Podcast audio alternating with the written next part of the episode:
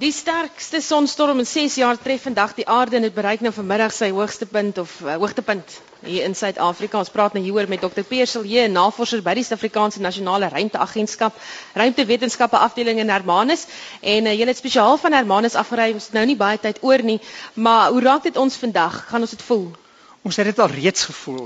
Ons uh, het van vroeg vanmôre af al gesien dat die uh, selfone en internet uh, wys dat daar iets in die gang is en ons het pas verneem dat die storm ons getref het. Uh dit is gelukkig nie die mees intense storm wat ons kan tref nie want hy het vir ons rakelings by ons verbygegaan. So die impak daarvan gaan nie wesentlik wees nie. Uh dit is uh lyk vir ons 'n storm soortgelyk aan wat ons in Januarie gehad het toe daar ook 'n uh, redelike groot sonvakkel uh uitgebars het op die son. Weereens was dit nie direk na die aarde toe gerig nie en so ons is ons is baie dankbaar dat hierdie ene so kan sywaarts by ons verbygegaan het maar ons het pas verneem dat dit wel uh, nou by die aarde aangekom het en dat ons die effek daarvan op die oomblik sien op ons magnetiese veld. Net so vinnig kan ons staat maak uh, op ons GPS-stelsels vandag? Uh, vir die volgende paar uur dink ek uh, gaan GPS so bietjie versteurd wees. Dit was reeds versteurd uh, vir 'n geruime tyd sedert die fakkel op die son uitgebars het gisteroggend.